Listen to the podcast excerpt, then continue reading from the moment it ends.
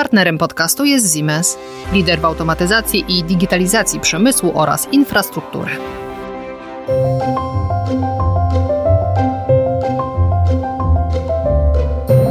To jest audycja Rzeczpospolitej.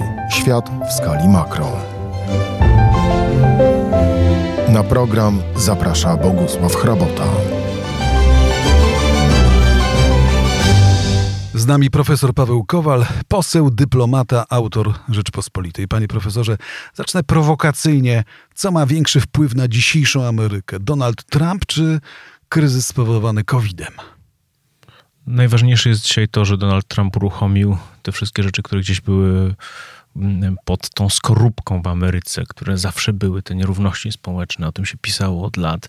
I to w Ameryce lubi tak wybuchnąć co kilkadziesiąt lat i boję się, że Donald Trump przez swój język, przez swój agresywny styl bycia, przez zmianę reguł gry na scenie politycznej, przez zmianę re społecznych reguł gry, uruchomił wszystko to, co w Ameryce przez lata starano się gdzieś tam chować i jakoś tam regulować.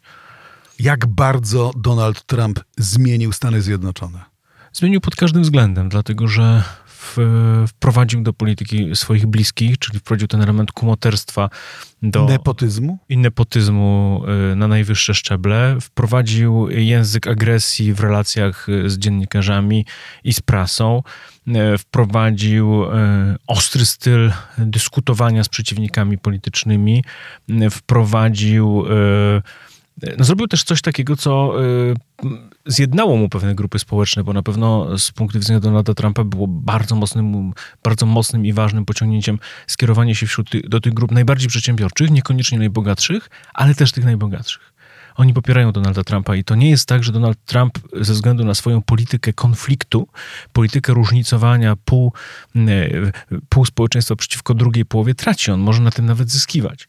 Jest dużo badań społecznych, które pokazują, że na takich rzeczach w Ameryce można zyskiwać. Szczególnie jeśli te protesty, które trwają, które się ujawniają tu i ówdzie, nabrałyby takiego bardzo brutalnego wymiaru. Jeśli to będą, im bardziej to są pokojowe protesty, tym bardziej sprzyjają demokratom. Im bardziej te protesty e, uruchamiają te negatywne emocje, paradoksalnie będą sprzyjały republikanom i Donaldowi Trumpowi w kampanii wyborczej, a to jest dla niego dzisiaj najważniejsze.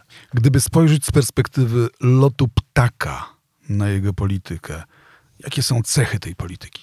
To jest nowa interpretacja polityki izolacjonizmu. To nie jest po prostu zwrot do izolacjonizmu, bo, bo świat się zmienił, ale yy, i Donald Trump jest y, w pewnym sensie nowoczesnym prezydentem, na przykład ze względu na używanie mediów społecznościowych, ale de facto on zerwał z tym wszystkim, co było istotą polityki amerykańskiej po II wojnie światowej, co myśmy uważali za taki stan, w którym żyjemy i to się po prostu tak, że słońce wstaje i zachodzi, to było dla nas, że Ameryka interesuje się światem, że Ameryka zwraca uwagę na interesy, ale też trochę na wartości, że polityka amerykańska to jest taki, powiedziałbym, taki shake interesów amerykańskich, ale też tego przekonania elity amerykańskiej, że na przykład prawa człowieka mają znaczenie, że jest się o co bić.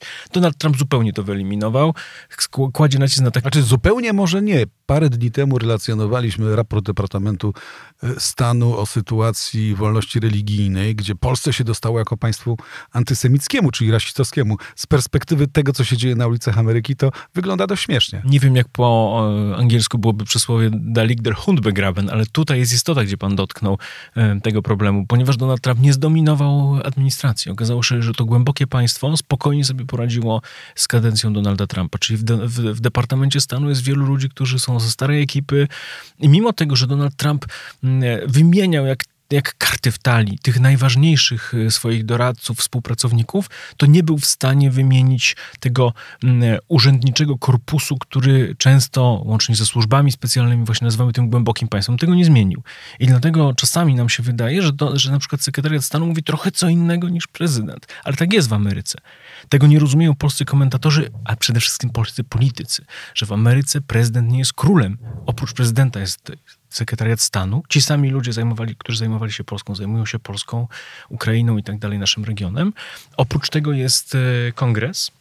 E, w kongresie siły są bardziej zrównoważone ale także wśród republikanów nie wszyscy są fanatycznymi zwolennikami Donalda Trumpa, czyli jeżeli chcemy zrozumieć amerykańską politykę po to, by, ją, by dobrze uprawiać politykę wobec Ameryki, to trzeba przede wszystkim odrobić tę podstawową lekcję. Prezydent Stanów Zjednoczonych nie jest królem. Większość decyzji zapada w innych miejscach. Albo w administracji, która niekoniecznie jest podporządkowana prezydentowi, albo w, w kongresie. Nie dziwi pana konfrontacyjność Donalda Trumpa wobec świata jako jeden z głównych mechanizmów jego zderzania się z rzeczywistością? Nie, to na pewno jest zaskakujące, dlatego że to jest jednak taka ruletka. Trudno powiedzieć, czy to Ameryce się na końcu przysłuży. Wielu ludzi mówi, że ta konfrontacyjna polityka spowoduje, że Ameryka straci wielu naturalnych sojuszników. Dodatkowo wielu ludzi zwraca uwagę na to, że wysypią się teraz te konflikty społeczne, nierówności na tle majątkowym, nierówności dotyczące dostępu do studiów. O tym się pisało już kilka lat temu.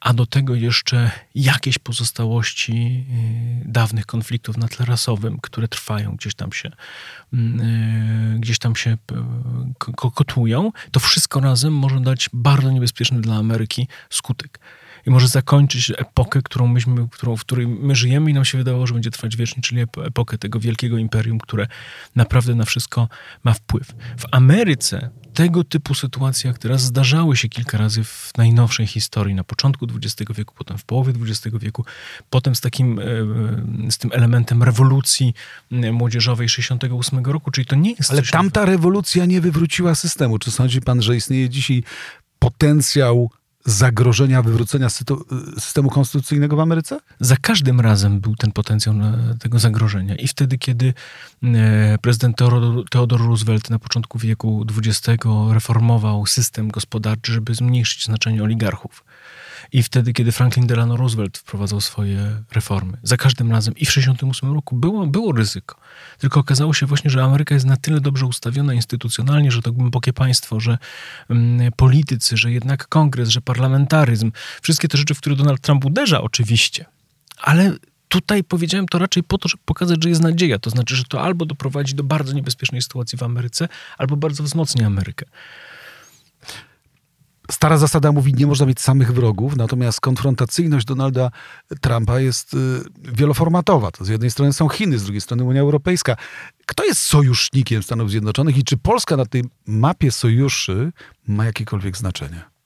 Polska ma znaczenie na tej mapie sojuszy, natomiast to nie jest rozumienie sojuszników takie, jak było w latach 90 bo to byłby, to tutaj jest dużo anachronizmów w takim podejściu, że Polska jest traktowana powiedzmy jak w czasach e, Busha, jak w czasach Clintona. Tak nie jest. Wtedy Polskę traktowano jako takiego pełnowartościowego partnera, któremu trzeba pomóc, żeby w każdym aspekcie był podobny do Ameryki, czyli krótko mówiąc, że ma mieć dobry system sądowy, dobry system polityczny, że jeżeli jakiś Amerykanin zainwestuje w Polsce pieniądze, może być pewien, że pójdzie do polskiego sądu i zostanie dobrze potraktowany. No, różne takie rzeczy, które powodowały, że mieliśmy być jak klocki Lego pasować do siebie, jeden do drugiego. Teraz jest inaczej. Ameryka dzisiaj nie stawia na coś takiego. Ameryka stawia raczej, mm, wraca do takiego modelu jak w latach 80. wobec niektórych państw Ameryki mm, łacińskiej, czyli chodzi po prostu o to, że Polska ma być takim sojusznikiem, który wewnętrznie to sobie robi jak chce. A jeśli ma jakaś firma amerykańska problem, no to pani ambasador w tym wypadku, czy dyplomacja to załatwia politycznie, ale nie dba o cały system. Możemy zresztą zobaczyć to wyraźnie, jak e, ambasada amerykańska pilnuje pewnych spraw związanych z prawami człowieka, ale wybranych. Czyli na pewno się, jeżeli jest kwestia wolności mediów, to wiemy, że będzie interwencja e, amerykańskiej ambasady, czy pani ambasador osobiście. Kwestia LGBT, tutaj też jest taka wrażliwość amerykańska wychodzi. Kwestia antysemityzmu zawsze, ale już nie systemowo. Czyli na przykład jeśli chodzi o sprawę sądów, to już nie. Jeżeli chodzi o sprawę wolności gospodarczej, to też już nie. Tutaj już tego nie ma. Zmieniło się to podejście amerykańskie do polskiej polityki w, w ciągu ostatnich kilku lat. Do Polski jeszcze wrócimy, ale przez sekundę jeszcze o Trumpie. Otóż konfrontacyjność z jednej strony, z drugiej strony dziwne reakcje na różne nagłe i nieprzewidziane sytuacje. Na przykład kwestia COVID-u. Czy dobrze zareagował na sytuację pojawiającej się na świecie pandemii, która nagle wchodzi do Stanów Zjednoczonych? Jestem ostrożny w ocenach poszczególnych przywódców, bo generalnie to na koniec to oni wszyscy poszli, elity polityczne właściwie we wszystkich państwach znaczących we wszystkich państwach Zachodu poszły takim owczym pędem, właściwie wszyscy zrobili to samo na końcu. Więc na początku rozmaicie reagowano, inaczej Johnson, inaczej w Europie Środkowej, inaczej e, Francja, inaczej Włochy e, i inaczej Stany, ale na końcu wszyscy zaczęli wprowadzać ograniczenia i uznali, że to jest jedyny sposób e, działania w tych warunkach i jednocześnie wypłacać duże pieniądze, tak żeby przysypać to pierwsze wrażenie kryzysu, który powstał w naturalny sposób ze względu na politykę państw. No bo jeżeli państwa, a w tym wypadku wielkie państwa, jakim są Stany Zjednoczone, zamyka na przykład część mm, e, biznesów, to w, w, w, w oczywisty sposób wywołuje kryzys. Więc ta cała polityka wobec COVID-u polegała na tym, bo już po kilku tygodniach doświadczeń, wszyscy chcieli zamknąć swoich obywateli w domach, wszyscy chcieli przykryć e, kłopoty z tym związane pieniędzmi. Ci, którzy mieli więcej tych pieniędzy, lepiej na tym wyszli. To, co jest charakterystyczne dla Donalda Trumpa, on szybko zrozumiał, że ta sprawa ma aspekt polityczny i w tym sensie nie ma końca. Bo my nie, nie podsumowujemy teraz niczego. Właściwie stoimy u progu tego, co będzie dalej. Ameryka jednak dostała e, w przekonaniu wielu osób mocne cięgi od Chińczyków. Jest problem e, reakcji chińskiej na, e, i informowania przez Chiny o pandemii na samym początku. Ja nie wchodzę teraz w szczegóły, bo nie o tym jest e, nasza rozmowa, ale tylko zwracam uwagę na to, że to zostaje, to jest bardzo mocno użyte w tej chwili jako element do konfrontacji. Nie wchodzę teraz w to, kto tutaj ma rację, to jest odrębna kwestia. A ja jednak wejdę w szczegół, ponieważ mamy z jednej strony konfrontację z Unią Europejską, z drugiej strony konfrontację z Chinami, z trzeciej strony COVID i nagle na ulicy Minneapolis ginie nikomu nieznany tak naprawdę szczerze e, ciemnoskóry człowiek o nazwisku George Floyd, i Ameryka zaczyna się burzyć. Czy Trump dobrze reaguje? No i tu jeszcze, jeszcze, do, tego, jeszcze do tego bym dodał, yy, jeśli pan mówi o tych yy, konfrontacjach, konfrontacje z organizacjami międzynarodowymi. To jest bardzo charakterystyczne dla polityki, polityki Donalda Trumpa. Nieufność do dyplomacji wielostronnej, to co było siłą Ameryki po II wojnie światowej, to do czego dążył Wilson po I wojnie światowej i tak dalej, i tak dalej. To jest faktycznie dużym problemem dzisiaj dla Ameryki, bo on uderza w WHO i oczywiście ma trochę racji, ponieważ faktycznie informowanie przez Chiny i przez WHO wydaje się, że pozostawia dużo do życzenia, ale to jest też powodem tego, żeby uderzyć w te organizacje międzynarodowe. A teraz e, wracam do ostatnich wydarzeń, o które pan zapytał. Donald Trump e, wyczuwa bardzo dobrze ten kontekst polityczny, w którym z jego punktu widzenia podniesienie temperatury sporu, doprowadzenie do ostrzejszej konfrontacji jest korzystne ale to jest jednocześnie uwolnienie w społeczeństwie amerykańskim tych mm, instynktów niektórych grup społecznych, które były skryte dotychczas, szczęśliwie skryte dotychczas za poprawnością polityczną, za tym, że czegoś nie wypada. Dużo więcej wypada przy Donaldzie Trumpie, no bo jeżeli polityk na tak eksponowanym stanowisku może wypisywać takie rzeczy, jak on wypisuje na przykład na Twitterze, to każdy może tym bardziej to samo powiedzieć albo powiedzieć to samo do potęgi. I dzisiaj polityka Donalda Trumpa prowadzi do różnicowania y, amerykańskiego społeczeństwa. Wyglądałoby pozornie na to, że to służy Donaldowi Trumpowi. Ale czy na pewno? To dopiero pokaże czas, bo wygląda, bo z kolei w ostatnich dniach wygląda, że jednak tu była jakaś pomyłka że konkurent, konkurent Donalda Trumpa, Joe Biden, yy, zyskuje na tym. Dlaczego Donald Trump nie wystąpił w jakiejś ogólnie oglądanej w Ameryce telewizji nie powiedział przepraszam w imieniu administracji amerykańskiej, że tolerowaliśmy rasizm przez kolejne dziesięciolecia, że ta sprawa w Ameryce nie jest jeszcze załatwiona. Dlatego, że jak sądzę, jego sztab wyborczy, który gdzieś tam po cichu przecież pracuje, uważa, że skonfrontowanie, że wy, wykopanie, pogłębienie tego rowu, który dzielił amerykańskie społeczeństwo od dawna jest korzystne. Jest o tym przekonany, oni są że to jest korzystne. Czy to, co się wydarza na ulicach amerykańskich, czy to się przełoży na wynik wyborczy Trumpa? E, tak, to będzie miało bezpośredni wpływ na wynik wyborczy prezydenta i może zaszkodzić prezydentowi. I tu dochodzimy już nieuchronnie do tego polskiego wątku, bo wydaje się, że to nie jest tak, że Donald Trump robi łaskę Andrzejowi Dudzie. Może się okazać, że Andrzej Duda robi łaskę Donaldowi Trumpowi tym razem, dlatego że jest takie przekonanie, takie subiektywne przekonanie wśród ludzi wokół Trumpa, że tak zwane polskie stany, czyli stany, w których y, ta polskość ma jakieś znaczenie wyborcze, niekoniecznie z Polonią. Nie chodzi, no jest ich kilka. Że ich jest kilka, niektórzy mówią sześć, niektórzy nawet, że to aż dziesięć stanów, gdzie to może przeważyć, no ale niektóre są oczywiste, prawda, jak Illinois czy, czy Ohio. Czy Indiana. Czy Indiana, prawda, są oczywiste, że tam to gra rolę.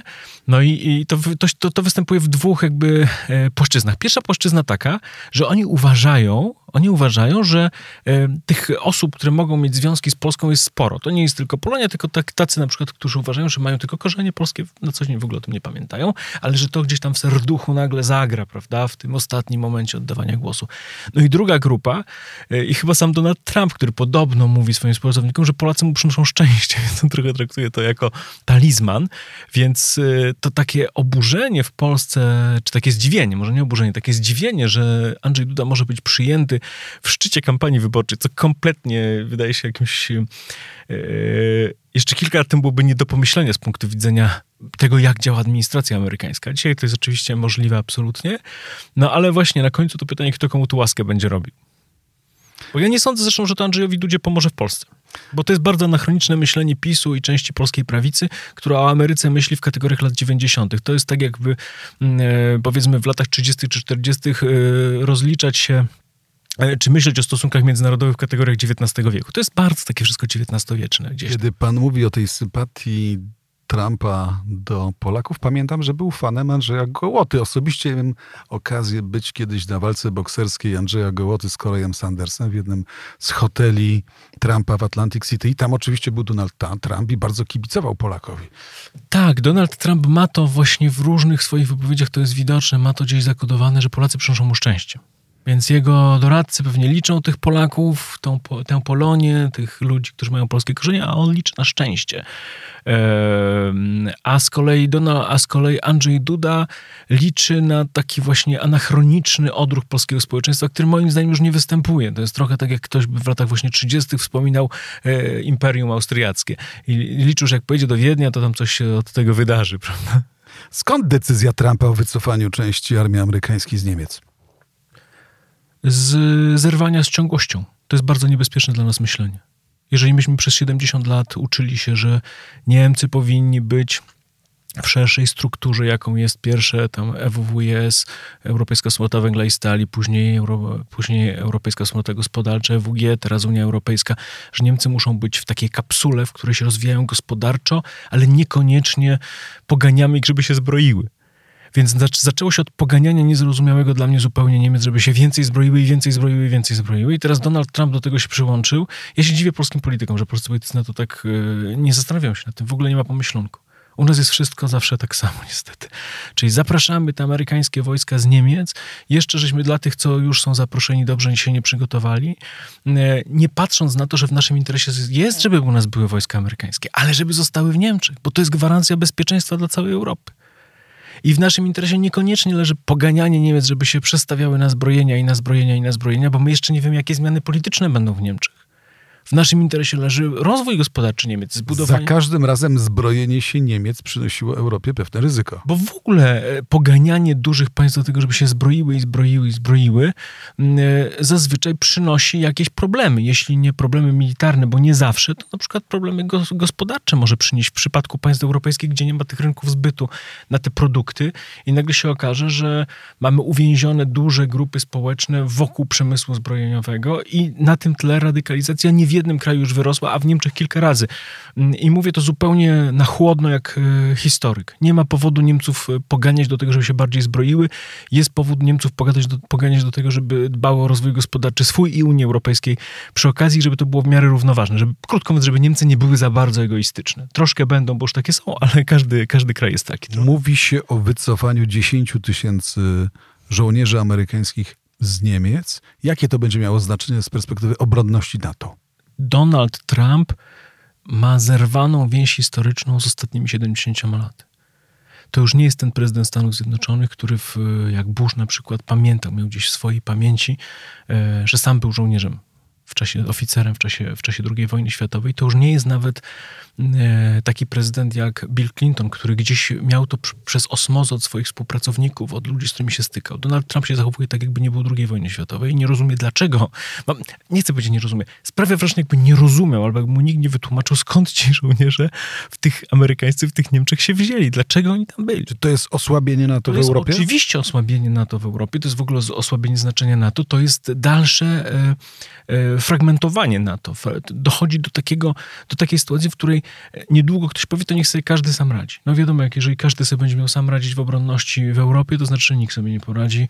E, kilka dużych państw e, będzie prowadziło swoją własną politykę, ale też z, niewielkim, e, z niewielką efektywnością, bo na końcu to każde z tych państw jest za słabe, żeby realnie dostosować się do potrzeb bezpieczeństwa, które dzisiaj występują, które nie polegają tylko na tym, że się wyprodukuje i sprzeda samoloty, czy, czy, czy uzbroi w, w nowoczesny sprzęt bojowy, bo dzisiaj bezpieczeństwo to jest na przykład też zdrowie, to jest to jest kwestia epidemiologiczna. My już przecież obserwujemy to na własne oczy, jak dzisiaj to jest szerokie pojęcie. To można robić tylko wspólnie. Czy jest jakakolwiek, jest jakikolwiek pozytywny aspekt przesunięcia, relokacji tych oddziałów do Polski? Bo za chwilę tak usłyszymy ze strony rządzących. Co prawda, w Niemczech siły NATO, zostało, amerykańskie siły NATO zostały osłabione, ale mamy je w Polsce. Po pierwsze, uważam, że należy rozwijać wspólne zdolności obronne i nawet ofensywne w pewnych kontekstach NATO. Po drugie, uważam, że nie należy Niemców, że ca cała polityka nie może polegać na tym, żeby poganiać Niemców, żeby się bardziej zbroiły. Po trzecie, uważam, że wojska amerykańskie na kontynencie europejskim, a szczególnie w Niemczech, służą polskiemu bezpieczeństwu. I to nie jest tak, że albo w Niemczech... A w Polsce nie będą służyły? Służą. Tylko, że to właśnie, żeby to zrozumieć, trzeba rozumieć, skąd one się tam wzięły, jak się skończyła II wojna światowa. Trzeba rozumieć, że pewne historyczne prawidłowości jednak działają w nowych kontekstach także. I e, rozumieć, że to nie jest albo-albo. To nie jest tak, że albo w Polsce, albo w Niemczech. I tu, i tu powinno, jednym słowem powinien być taki scenariusz pańskim zdaniem, że zostają te oddziały, które tam stacjonują w Niemczech, natomiast do Polski przychodzi nowy kontyngent, tak który mówiąc grubo, my, służy naszym interesom. Mówiąc grubo, my żyjemy w czasach jakiejś kompletnie niepoważnej polityki. Angela Merkel coś tam się skrzywi, Donald Trump się obraża, wycofuje wojska, właściwie nie wiadomo, jakie impulsy na niego działają. Coraz częściej mam wrażenie, że oprócz tych impulsów twardych, militarnych, których, które tutaj nie mają zastosowania, to więcej działają pewne wrażenia, emocje itd., tak itd., tak a gdzieś na końcu chodzi w naszym przypadku także o nasze bezpieczeństwo, bo amerykańskie w mniejszym stopniu. Decyzja o wycofaniu żo żołnierzy amerykańskich z Niemiec, tej części, o której mówimy, już zapadła. Pytanie, czy Trump zdąży tą decyzję zrealizować, zważywszy na to, że ma do wyborów kilka miesięcy. Pytanie, czy ją zrealizuje? Z tego powodu, że się zbliżają wybory, z tego powodu, że zobaczymy, jak zareaguje realnie Pentagon, bo na razie to jest polityczna decyzja żeby tych żołnierzy gdzieś... Czyli to nie jest tak, że praktycznie od dnia jutrzejszego te, jedno, te jednostki zaczną znikać z Niemiec? No nie, ale przecież jeżeli ktoś mówi, że oni przyjadą do Polski, no to powinien sobie zadać proste jedno pytanie. To może też być zadanie dla, dla nas, to znaczy mówię tutaj jako autor Rzeczpospolitej, dla gazety, żeby sprawdzić, czy, czy, to, czy w Polsce można w ogóle przyjąć. Nikt nie zadał przecież takiego pytania, czy są odpowiednie mieszkania, czy są odpowiednie szpitale. Yy, to nie jest tak, że żołnierze się przyjmuje jak, jak, jak ciocie, I mieszkają w lesie w namiotach. Na chrzciny albo jak na biwak. To, to, to w ogóle te czasy już dawno minęły. Więc gdzie jest, gdzie jest to sprawdzenie? Czy, w ogóle, czy to jest w ogóle poważna rozmowa? Sprawa będzie kontynuowana na pewno w wypadku reelekcji Donalda Trumpa, ale jeśli przegra te wybory i do władzy znowu dojdą demokraci, czyli Joe Biden, czy sądzi pan, że polityka amerykańska wobec Europy wobec świata i wobec Polski się zmieni. I jak? Troszkę, ale nie aż tak, jeżeli niektóry, jak niektórzy się spodziewają. Bo powrotu do starego tak po prostu w polityce to nigdy nie ma i tutaj też nie będzie. Jeżeli Biden dzisiaj słucha amerykańskiego społeczeństwa, a musi słuchać, bo jest w szczycie e, tego zaangażowania wyborczego, jeszcze przez kilka miesięcy tak będzie, to też będzie słyszał to, co w społeczeństwie amerykańskim gdzieś tam się tli, czyli ten... Ta, ta, ta, a co się tli? Ta tęsknota, żeby nie zajmować się całym światem. Więc on też będzie musiał na to jakoś odpowiedzieć. Wśród jego wyborców ta tęsknota też będzie występowała i występuje. I on to uwzględni. Ale oczywiście to nie będzie się odbywało w takim tempie jak e, przy Trumpie i nie będzie się odbywało e, w takim trybie bardzo uznaniowym. Ale ja uważam, że nawet jeżeli Donald Trump zostanie prezydentem, to nie jest przesądzone, że te wojska tak szybko będą z tych Niemiec wyjeżdżały, bo wiemy, że prezydent Trump y, nie ma żadnego problemu z tym, żeby rano napisać y, w prawo, później napisać w lewo na, na Twitterze. Zmienić Łatwiejsze zdanie. jest pisanie y, krótkiego tekstu na Twitterze niż logistyka. Oczywiście i okaże się, że jednak to gdzieś właśnie głębokie państwo, które sobie świetnie poradziło z Donaldem Trumpem. I zarówno w Pentagonie, jak i w Departamencie Stanu, że on nagle powie, gdzieś tam znajdzie sposoby, żeby nie zmieniać tych historycznych zależności między Ameryką a Niemcami, Ameryką i NATO, Ameryką i Europą.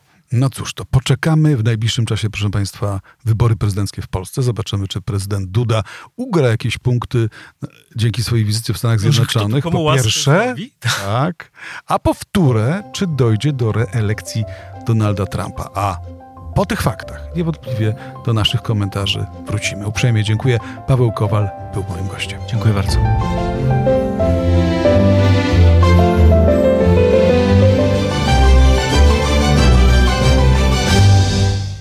To była audycja Rzeczpospolitej. Świat w skali makro.